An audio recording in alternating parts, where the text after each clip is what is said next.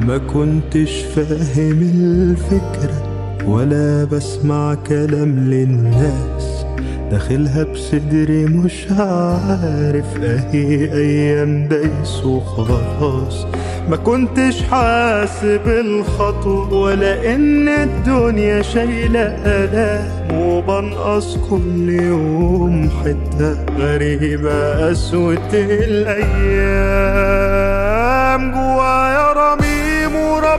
كريم قادر يحيي اللي مات فيا كفاية غيوم وهقدر أقوم ولو طالت ليالي. جوايا رميم ورب كريم قادر يحيي اللي مات فيا كفاية غيوم وهقدر أقوم ولو طالت ليالي. مشاعر النفور بتقفل قلب البني آدم وتقتل قدرته على التعلم. ومن قوة مشاعر النفور إنك لو نفرت من إنسان بتنفر من كل شيء أو فكرة تفكرك بيه. لكن الإشكالية إن لو الإنسان ده اللي بيفكرك بيه الدين فتتفاجئ إنك نافر من الدين بسبب مشاعرك تجاه هذا الإنسان. وإنت مالكش ذنب لكن ده دينك. محتاج إنك أنت تتعافى وتعيد بناء إقبالك على الله حتى لو نفرت بسبب إنسان علمك الدين بشكل منفر.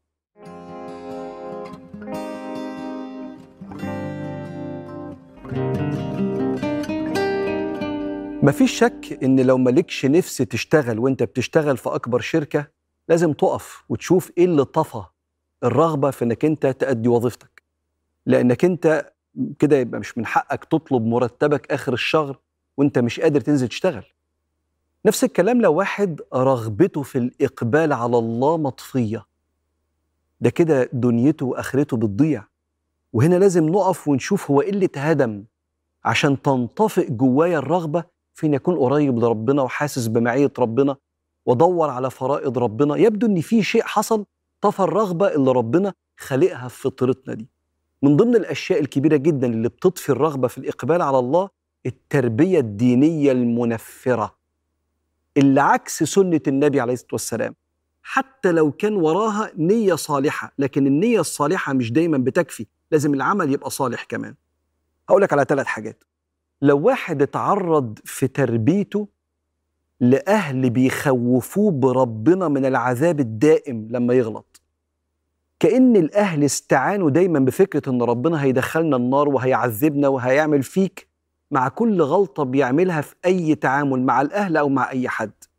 فيتكون جوه الطفل كده وهم درسوه لنا في العقيدة اسمه وهم الإله المتربص. يعني بالبلدي كده قاعد لنا على الوحدة وإن كانت كلمة لا تليق لك بس بشرحها لك يعني. الإله المتربص ما بيحبنيش اللي قاعد لي على الوحدة ده مش حد بيحبني. فلو ده كبر جوه الطفل يشعر بعد ما يقوى إنه مش عايز يقرب من إله اتزرع جواه إنه عايز يعذبه. عشان كده في البارنتنج بيسموها السيطرة المتطرفة. لو قعدت كل شوية أخوف الطفل بعذاب ربنا لو غلط أي غلطة. وهنا سيدنا النبي عليه الصلاة والسلام يقول لنا من أشهر الأحاديث اللي تربينا عليها عشان نكون فكرنا تجاه ربنا. قال لما قضى الله الخلق رب لما ربنا خلق الناس وقضى يكون في بني أدمين لما قضى الله الخلق كتب كتابا فهو عنده فوق العرش. مكتوب فيه إن رحمتي سبقت غضبي. فلما البني آدم يغلط هيفكر إزاي يصلح غلطه مع أمله في رحمة ربنا مش إن ربنا سبحانه وتعالى يحب إنه يعذبه على الغلط ده. فلو تربى الشخص بالطريقة دي يطلع بعد ما يقوى كده ويستغنى ويكبر عنده نفور من الإقبال على الله اللي متربص له على غلطاته. طبعا ده فكرة خاطئة. السبب الثاني هو التعرض لآراء دينية متشددة لا تتسق مع الواقع. ساعات بعضنا بيتربى إما مع تربية دينية مع شيخه ولا أستاذه أو في بيته بآراء متشددة وفي سعة بين العلماء في الخلاف. ولما بيكون في سعة هي اسمها سعة ليه؟ عشان ناخد في كل عصر المناسب لنا من آراء الفقهاء عشان نعرف نعيش قريبين لربنا من غير ما الدين يضيق علينا الحياة. عشان كده اسمها السعة. اختلافهم رحمة واسعة زي ما العلماء قالوا. لكن لما تتربى على آراء معينة صعب تطبقها وفي آراء تانية في الدين. تحس كده إن الدين معاناة وتقيل على قلبك ويا دنيا يا آخرة. يا إما أقرب لربنا وأعيش مخنوق يا إما بقى خليني بعيد عشان أعرف أعيش أخد نفسي. فاكر لما واحد من الصحابة راح يشتكي للنبي عليه الصلاة والسلام إنه ما بيلحقش إنه يروح آه، صلاة الفجر لأن سيدنا معاذ بن جبل بيطول قوي في صلاة العشاء ما بيلحقش يروح ينام ويصحى على الفجر. فالنبي عليه الصلاة والسلام غضب غضب من إيه؟ من تطويل الصلاة صلاة الجماعة. وقال أيها الناس إن منكم منفرين فأيكم أما الناس فليوجز. يصلي صلاة خفيفة فإن فيهم الصغيرة والضعيفة وذا الحاجة الناس وراها مصالح وفيهم الصغير في السن اللي ما يستحملش الصلاة دي وفيهم الضعيف والمريض. فكأنه صلى الله عليه وسلم بيقول لأئمة صلوات الجماعة خففوا على الناس عشان الناس تعرف تصلي وتمارس حياتها. فلما يفرض عليك بعض الآراء المتشددة اللي تضيق عليك الحياة تحس إن أنت مش قادر. يا دنيا يا آخرة فبعض الناس ممكن يختار الدنيا ويقول ربنا غفور رحيم فيبعد عن ربنا سبحانه وتعالى. السبب الثالث اللي بيطفي الرغبة في الإقبال على الله إنك تتربى تربية دينية فيها سخرية. إن الشخص اللي بتسمعه بيتكلم في الدين سواء في البيت أو حد من أساتذتك يكون بيتريق كتير على خلق الله. والتريقة بتفسرها النفس البشرية غضب واستياء دفين. طالع في صورة تريقة وإيلام كده بالهزار. فلما تكبر وتتعلم وأخلاقك تتحسن ترفض المنهج ده. لما ترفض المنهج ده ممكن ترفض معاه كل القرب من ربنا سبحانه وتعالى. مش كده لو لقيت نفسك واحد من التلاتة دول أقف. واعرف إن الرغبة المطفية في الإقبال على الله بسبب التربية المنفرة المتشددة دي دي الدين ملوش فيها ذنب. إنما كانت أشخاص أنشأتك نشأة مش على سنة النبي عليه الصلاة والسلام.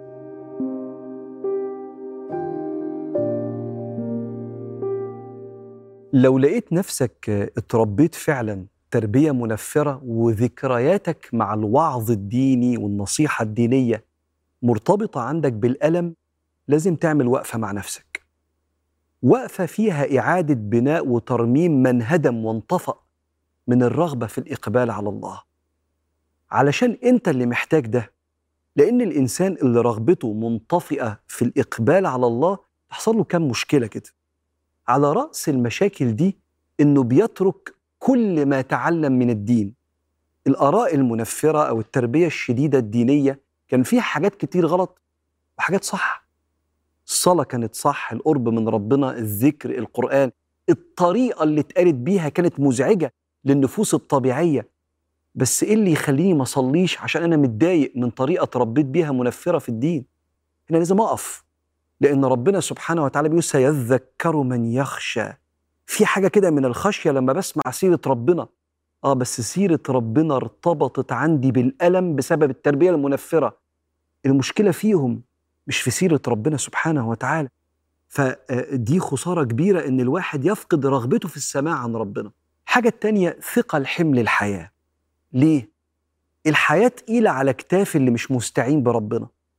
وساعات الواحد لما بينفر من الإقبال على الله بسبب التربية المنفرة الدينية ما بيبقاش عنده الأوراد والأذكار وطرق الاستعانة بربنا اللي بتقوي القلب على معارك الحياة. فاكر لما ربنا قال يا أيها الذين آمنوا استعينوا بالصبر والصلاة؟ إن الله مع الصابرين. فاكر لما قال واستعينوا بالصبر والصلاة وإنها لكبيرة إلا على الخاشعين؟ الاستعانة بالوصل بربنا وبالصبر. ما هو الصبر ده عبارة عن أفكار جواك عن ربنا. ربنا هيساعدني وهيكرمني وهينصرني. سيرة ربنا لازم تكون قريبة من القلب. لو سيرة ربنا والاستعانة بربنا بعيدة بسبب التربية الدينية المنفرة حمل الحياة بيبقى تقيل قوي على الواحد. الشيء الثالث والخسارة الكبيرة اللي بيخسرها أي واحد اتطفت جواه الرغبة في الإقبال على الله بسبب تربية منفرة. هو ملوش ذنب بس هو حاله دلوقتي هو مسؤول عنه. الخسارة الثالثة إنه قد يتحول وهو مش قاصد لمناضل ضد الدين وضد أفكار المشايخ والعلماء وضد كل حاجة فيها استعانة بالآيات والأحاديث. هو مش قاصد وهي مش قاصدة. بس الموضوع مرتبط بالألم والإجبار والقهر والتخويف كلها مشاعر سلبية. فاكر لما ربنا قال ومن الناس من يجادل في الله بغير علم ولا هدى حتى ما فيش هدف ولا هدى ولا كتاب منير. ثاني عطفه ليضل عن سبيل الله في حتة كده فيها ألم فيها كبر على ألم في موقف متاخد. أنت ما تستحقش كده. ما تستحقش إنك أنت تبعد قوي عن ربنا كده بسبب حد غذى عندك ارتباط التدين بالألم والتشدد والتنفير. دي خسائر لازم توقفك وتعيد مراجعة علاقتك بربنا سبحانه وتعالى. وما تدفعش تمن أخطاء ناس تسببت في نفورك من سكة النبي عليه الصلاة والسلام. وحتى لو أنت شفت نفسك مفعول به وحد نفرك أنت الآن مسؤول عن ما تبقى من حياتك في رحلتك لربنا أن تعيد بناء وترميم من هدم وانطفأ من رغبتك في الإقبال على الله.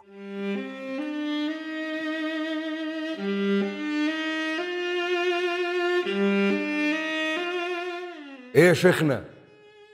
ليه الالتزام بالدين بيتعب مهما وفيت والتزمت كل ما اسأل شيخ يقول لي انت بالذنب اتوصمت. نفسي اقرب بس حاسس ان لسه السكة صعبة.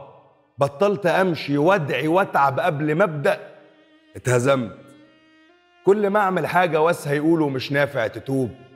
انت عاصي. انت مذنب انت شيال الذنوب. عدت بتكسف ان ادعي واقول يا رب. توب عليا فاخترعت لنفسي حجة ربنا رب القلوب. مش لازم اقعد اصلي يعني الدين معاملة مش صلاة. المهم ان البشر تبقى خدومة مقصلة. ليه اصلي وليه اصوم وليه الدعاء؟ مش شرط يعني. واخترعت لنفسي سكة على الدماغ متفصلة. يمكن التربية برضه ليها عامل إني خايف إن بهرب من العبادة وادي نفسي عذر زايف. كانوا بيعاقبوني دايما لما كسل ولا قصر لحد لما تهت فجأة في كل شيء ما بقتش شايف. الدين جميل وخفيف علينا ورحمة من عند الرحيم.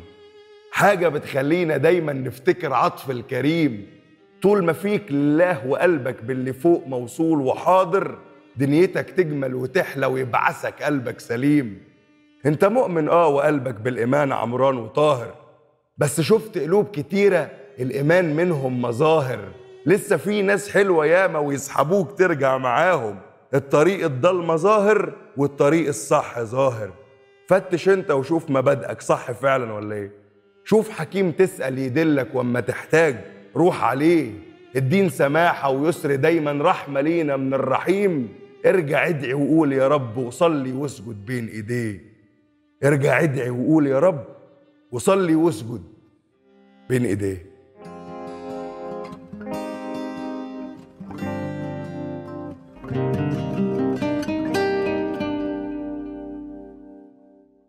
جوايا وربي كريم قادر يحيي اللي مات فيا كفاية غيوم وهقدر أقوم ولو طالت ليالي.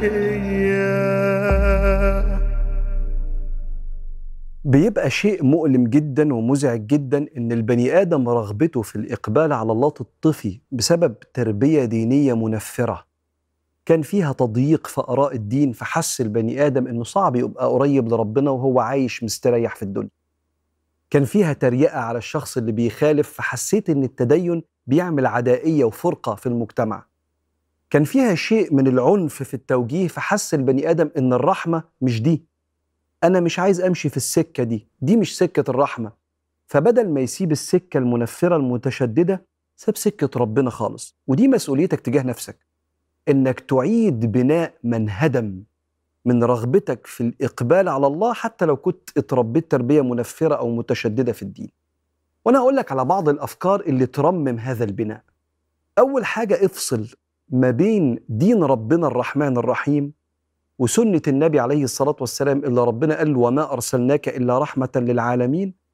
وما بين تفكير بعض الناس اللي أنت نشأت سواء كان في البيت عندك أو في بعض الشرايط اللي كنت بتسمعها تفكير بعض الناس اللي حسسك إن سكة ربنا فيها شيء من العداء أو التشدد أو التنفير أو التفريق بين الناس. افصل كده. لو فصلت هتعرف تروح في سكة الرحمن الرحيم وسكة سيدنا النبي الرحمة للعالمين. لأن ساعات البني آدم ما بيعرفش يفصل.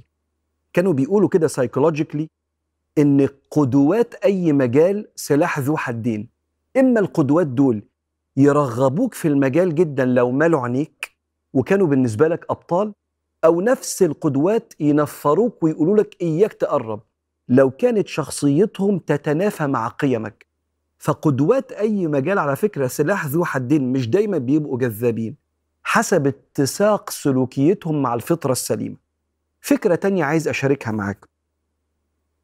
ما تعممش لو كنت اصطدمت ببعض المتحدثين في الدين سواء في بيتك أو في الم... يعني الوسط اللي كان حواليك اللي نفروك. ما تعممش.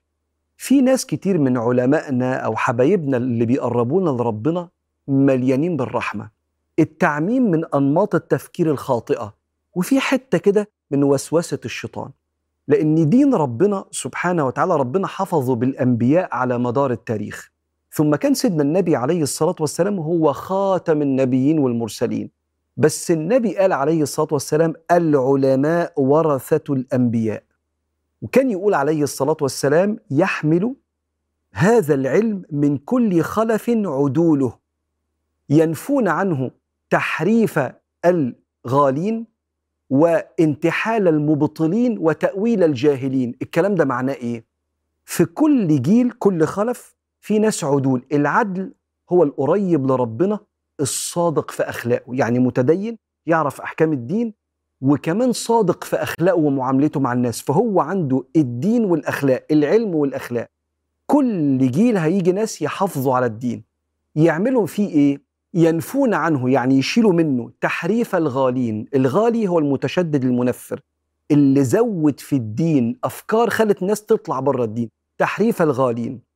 وانتحال المبطلين المدعي اللي بيقول على نفسه متعلم وهو مش متعلم وضرره في كلامه أكتر من نفعه من تريقة أو تشدد أو تفريق ما بين الناس وتأويل الجاهلين. تأويل يعني تفسير التفسيرات للأحكام اللي بيقولها مش متعلم ولا عنده أستاذ ولا أستاذ وعنده أستاذ بس هو حب الظهور هو اللي خلاه يتكلم في حاجة غالية زي الدين. ففي علماء اتسأل عنهم النبي عليه الصلاة والسلام يا رسول الله من نتخذه جليسا معلما؟ قال من إذا رؤي ذكر الله تعالى. ودول موجودين. فلو سمحت ما تعممش. ما تزعلش من دين ربنا لو زعلان من ناس نفرتك سواء كان في تربيتك في بيتك أو في رحلتك قابلت من ينفرك من رحمة النبي عليه الصلاة والسلام. وخلي الزعل والوجع ده طاقة تدور بيها على أهل الله. وأول السكة الذكر والدعاء. خلي عندك على سبحتك ولا على صوابعك ذكر التوحيد لا إله إلا الله. قولوا مية ومتين وألف وألفين يوصلك لربنا سبحانه وتعالى. وأكثر من الصلاة على النبي عليه الصلاة والسلام. فالصلاة على رسول الله شيخ من لا شيخ له. كما قال العلماء بتوصل قلبك بقلب النبي عليه الصلاة والسلام لغاية ما ربنا يرزقك اللي ياخد بإيديك ويعلمك ويحببك ويوصلك لطريق النبي. عليه الصلاة والسلام. لكنها مسؤولية أن تعيد بناء وترميم من هدم وافتقد من رغبتك في الإقبال على الله بعد هذه التربية الدينية المنفرة.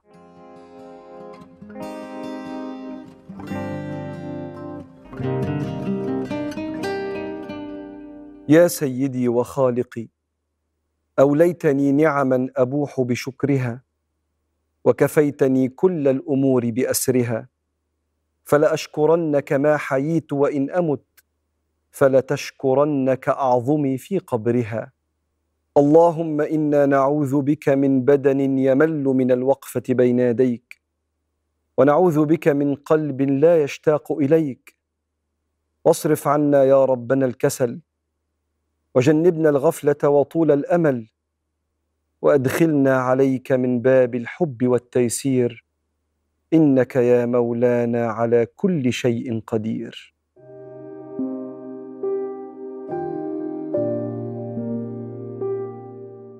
اللي بيبعد مننا تماما عن طريق ربنا سبحانه وتعالى بسبب إنه نفر من تربية دينية متشددة أو منفرة ممكن يتعرض إنه يتبع هواه ويبقى عايز يختار لنفسه نموذج تديني بعيد شوية عن سنة النبي عليه الصلاة والسلام. لأن سنة النبي محتاجة علم. إحنا ما نستغناش عن علمائنا ولا عن مشايخنا اللي يوصلونا للطريقة اللي عاش بيها النبي عليه الصلاة والسلام. وبالمناسبة دي سكة أي تميز في أي مجال. فاسألوا أهل الذكر إن كنتم لا تعلمون. وهم زي ما قلت لك من شوية موجودين في كل زمان وفي كل مكان. وتدعي ربنا إنك توفق ليهم. لو وفقت لإعادة الرغبة تاني في السير في طريق ربنا ورا النبي عليه الصلاة والسلام ورا علمائنا الرحماء هيحصل لك حاجتين مهمين قوي. نوعين من الخير هتجنيهم في حياتك. أول حاجة راحة البال والإحساس بمعية وسند ربنا. لأن العيشة في كنف ربنا والانتظام على طاعة ربنا بيشعر الإنسان إنه متسق مع فطرته. إحنا جوانا ربنا خلق شيء في الفطرة اسمه داعية اللجوء إلى الله. البشر جواهم حاجة بتشدهم يبقى ليهم كبير. فاللي دور على كبير الشمس واللي دور على كبير الكواكب واللي سجد للحجر استنى بس. انت مؤمن. انت مسلم. انت ربنا كبيرك. فانت في حاجة من جواك بتشدك كده انك دايما تبقى بتدعي وبتصلي وبتذكر وبتعمل عمل خير. لما ترجع للسكة دي انت هتتسق مع تكوينك من جوه. عشان كده لما ربنا كان بيكلم سيدنا النبي عليه الصلاة والسلام والكلام لينا قال له طه ما أنزلنا عليك القرآن لتشقى. الذكر والقرآن ده عشان تحس براحة البال وتمشي في سكة فيها سعادتك في الدنيا والآخرة. ما أنزلنا عليك القرآن لتشقى إلا تذكرة لمن يخشى تنزيلا ممن خلق الأرض والسماوات العلى. الرحمن شوف اسم ربنا اللي جه في الصورة هنا. الرحمن على العرش استوى. له ما في السماوات وما في الأرض وما بينهما وما تحت الثرى. وإن تجهر بالقول فإنه يعلم السر وأخفى. عليم بحالك بأوجاعك واحتياجاتك يعلم السر وأخفى. الله لا إله إلا هو له الأسماء الحسنى. كأن ربنا بيقول لك أسمائي وصفاتي متفرقة في الكون دور عليا. وامشي في السكة دي. هتحس بده. بالأمان ده والمعيه دي لو قعدت بناء رغبتك اللي اتطفت في الرأ في الإقبال على الله. حاجة التانية اللي هتحصل لك هتحمي نفسك من اتباع الهوى. أي بني آدم مش ماشي على سكة النبي غالبا أفكاره اللي بتقوده. ساعات أفكاره بتبقى فيها احتياجاته ورغباته وشهواته وشطانه بالوساوس بتاعته. عشان كده ربنا قال في القرآن كل يوم تطلبوا تمشوا على سكة النبي. اهدنا الصراط المستقيم. أهو الصراط المستقيم اللي ربنا قال عليه في آية, في آية تانية وأن هذا صراطي مستقيما فاتبعوه ولا تتبعوا السبل فتفرق بكم عن سبيله. حط خط على الأرض النبي كده عليه الصلاة والسلام وقال هذا صراط الله المستقيم. وقام حاطط خطوط تانية يمين وشمال وقال وهذه صرط جمع صراط طرق. هذه صورة الشيطان. على رأس كل صراط منها شيطان يدعو إليه. وقرأ الآية وأن هذا صراطي مستقيما. عشان تمشي على طريق سيدنا النبي توصل لربنا محتاج إن أنت تتعلم وترجع تاني رغبتك في الذكر والعبادة. وكل يوم تسمع عشر دقايق ولا تلت ساعة من مشايخنا وعلمائنا هم بيكلموك عن ربنا وعن سيدنا رسول الله عليه الصلاة والسلام عشان الرغبة تتبني وتتولد تاني وتعيش. تشتغل وبتتفسح وبتخرج وبتلبس كل حاجة. ربنا آتنا في الدنيا حسنة. بس وفي الآخرة حسنة. حسنة الآخرة بالسير ورا سيدنا النبي عليه الصلاة والسلام. ووسط الكسرة والدنيا بكون ظالم واكون مظلوم. وحلمي يضيق كده في ثانية وكله بيرمي فيا هموم. وأنا مش قابل إني أضيع في أحزاني ونفسي أبيع. عداوي جراحي مهما تكون ولا أكسر في قلبي واهون جوايا رميم وربي كريم. قادر يحيي اللي مات فيا. كفاية غيوم وهقدر أقوم ولو طالت ليالي. جوايا رميم وربي كريم قادر يحيي اللي مات فيا كفاية غيوم وهقدر أقوم ولو طالت ليالي. ولملم نفسي بالوحدة تكون روحي خلاص أهدى.